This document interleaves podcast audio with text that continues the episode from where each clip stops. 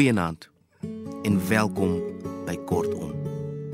My naam is Dean Bali en ek lees vanaand nog 'n wenverhaal van Pen Afrikaans se kortverhaalkompetisie met toegang as tema. Dit is met die ondersteuning van Pen International aangebied. Ek lees Anton Dokkel se kortverhaal Wind. Geniet ons storie.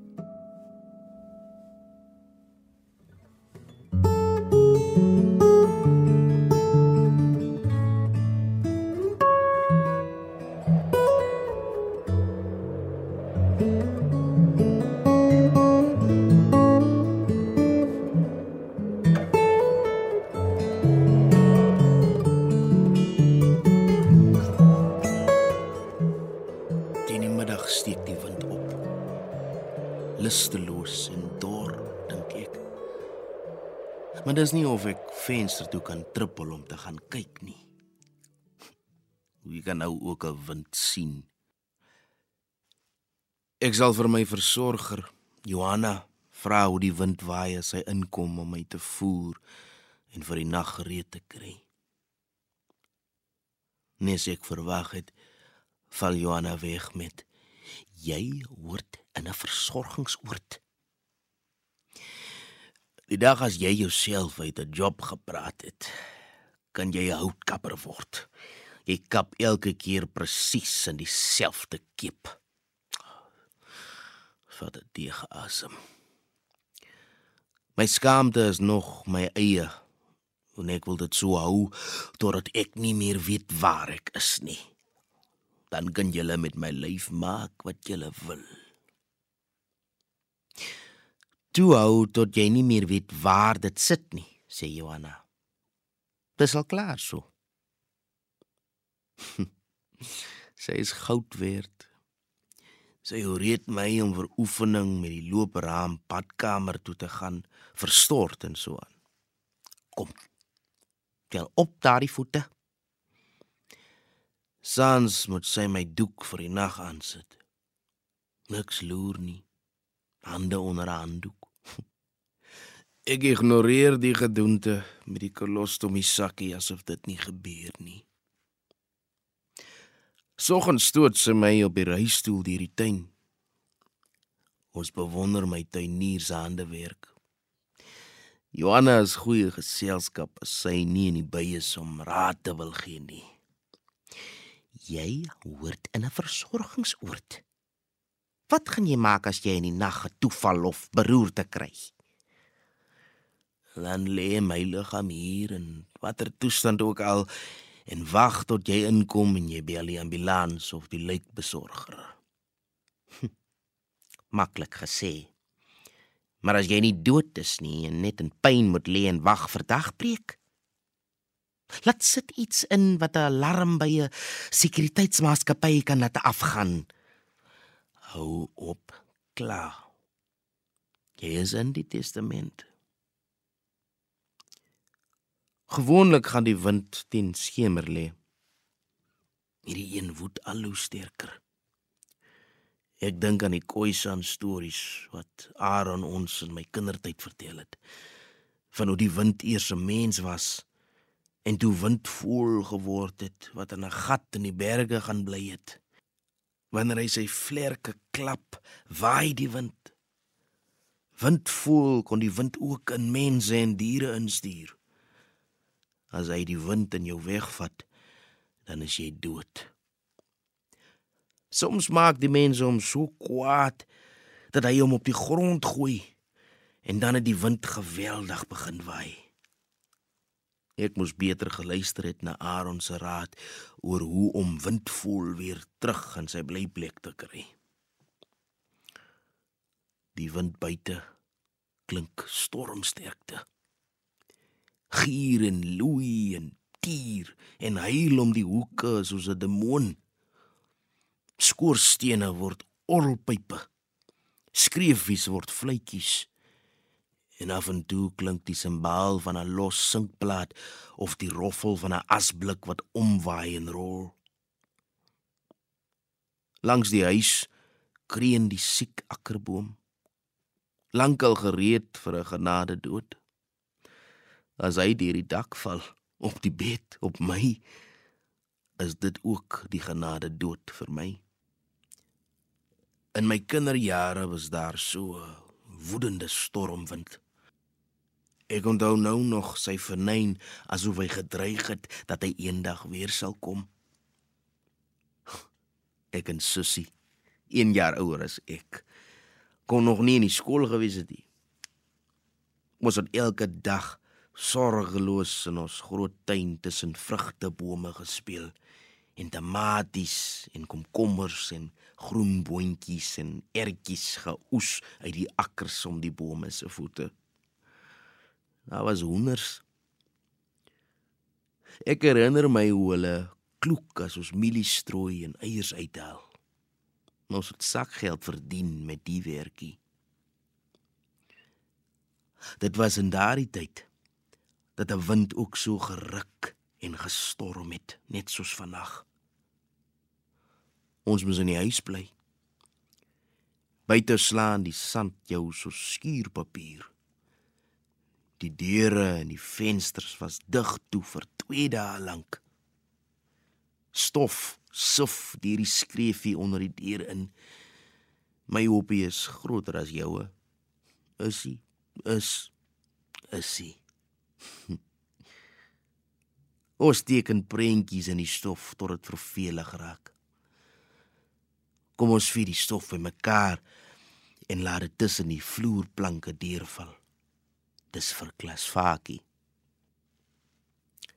Hy kan stof onder ons vloer kom haal om in kinders se oë te strooi sodat hulle van mooi goed kan droom.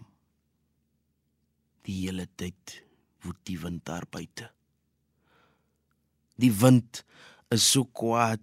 Hy gaan nie ophou waai totdat hy ingebreek het en alles in die huis in die lug in weggewaai het nie.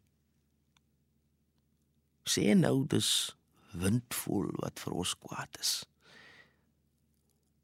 Toe raak ek bang. Ons kan hoor hoe takke van die vrugtebome skeer.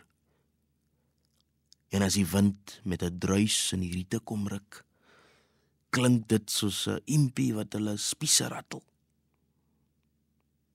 Toe die wind in die skoorsteen bulk, wil ons liewer glo aan die sprokie van die drie varkies as aan windvol. Maar as 'n wolf wat in die skoorsteen wil afkom. Maar jy moet 'n pot water op die stoof kook dat die wolf in die kokende water kan versuip. Ons skryp onder die bed weg. Maak ook die pot water en stop die skoorsteen toe met 'n ou kombers. Die wind hou op om in die skoorsteen te huil. Hy is woedend en ruk aan die deur en laat die vensters rittel in hulle rame. In die stormwind moes Aaron uit sy kamer kom om die windpomp te gaan vasmaak, want die dam loop oor. Die windpomp skree: "Wat draai jy my arm so agter my rug in op?" Ons loer deur die gordyne, bang dat windvol ons sal sien. Aaron loop kuskus. Hy is ook bang golwe waai oor die dam se walle. So moet die see seker lyk, sê Sissie. Net groter. Baie groter. Maar rond, sê ek. In die nag word ons wakker. Dit skielik stil. Asof die wind die deur gekry het waarna hy gesoek het. Hy het deur 'n gat by die hemel ingegaan, fluister sussie. Hulle het hom in 'n bottel toegeskryf. Ons slaap verder. Dou voordag hardloop ons uit om die spore van die wind te gaan kyk. Die wind het 'n sinkplaat van die hoenderhok se dak afgeruk en teen die draad gegooi. Die opgeleide tomaties en boontjies is losgeruk en opgerol. Baie boomtakke lê soos afgeskeurde arms op die grond. Ons besluit om die wit wonde teen die stamme met lappe toe te dry. Smeer sommer klei aan, sê Aaron. Wat vir lappe loop staan mos? Maar die vye boom moet lap kry. Kyk hoe bloei hy. Ons draf terug huis toe. Haastig om eers te verma van die skade te vertel van die appelkose op die grond en die perskeboom en die boontjies en die ertjies en en die hoenderhok. Die pompoene het niks oorgekom nie. Deur die venster vang my oë beweging. Daar stap 'n voël op ons werf, groter as 'n haan in die skadu van die bome pronkerig. Pik pik hy asof hy beter gewoond is. Toe hy uit die skade weer in die vol son stap is dit asof hy ingekleer word. Hy verander in die onmoontlikste mooiste verskynsel wat ek nog gesien het. 'n vol met glimmende blou flanke en 'n kroontjie op sy kop Daar is honderde oë op die groen-blou van die sleepstertvere. Kom. Kyk wat het die wind vir my gebring. 'n Prentjie wat lewend geword het.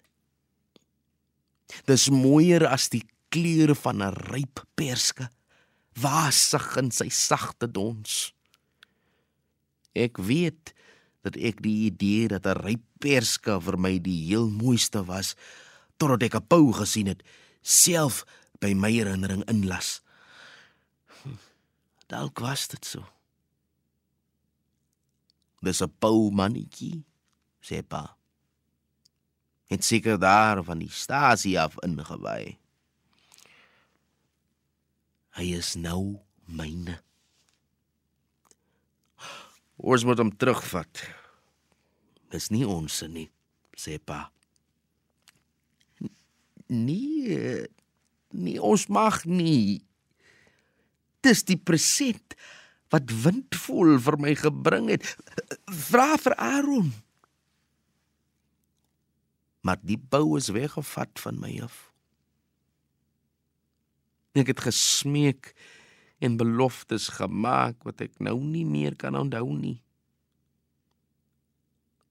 Dit was vir my so suur soos die wit wond waar 'n tak uitgeskeer het.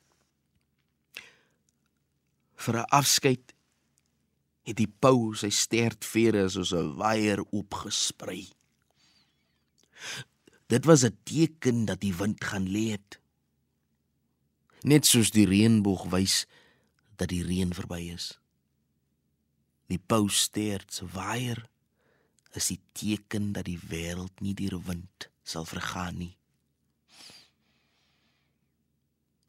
Niemand leef meer wat kan bevestig hoe die wind daardie jaar gewaai het nie.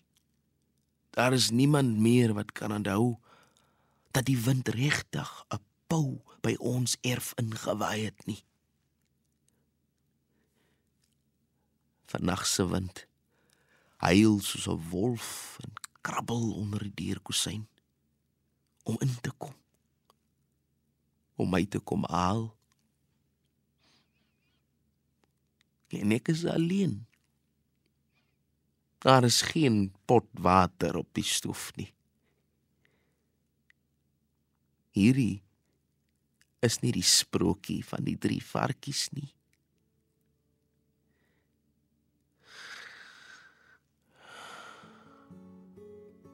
Môreoggend gaan daar 'n pou wees wat sy stert soos 'n waier opsprei nie. Die wind gaan wen.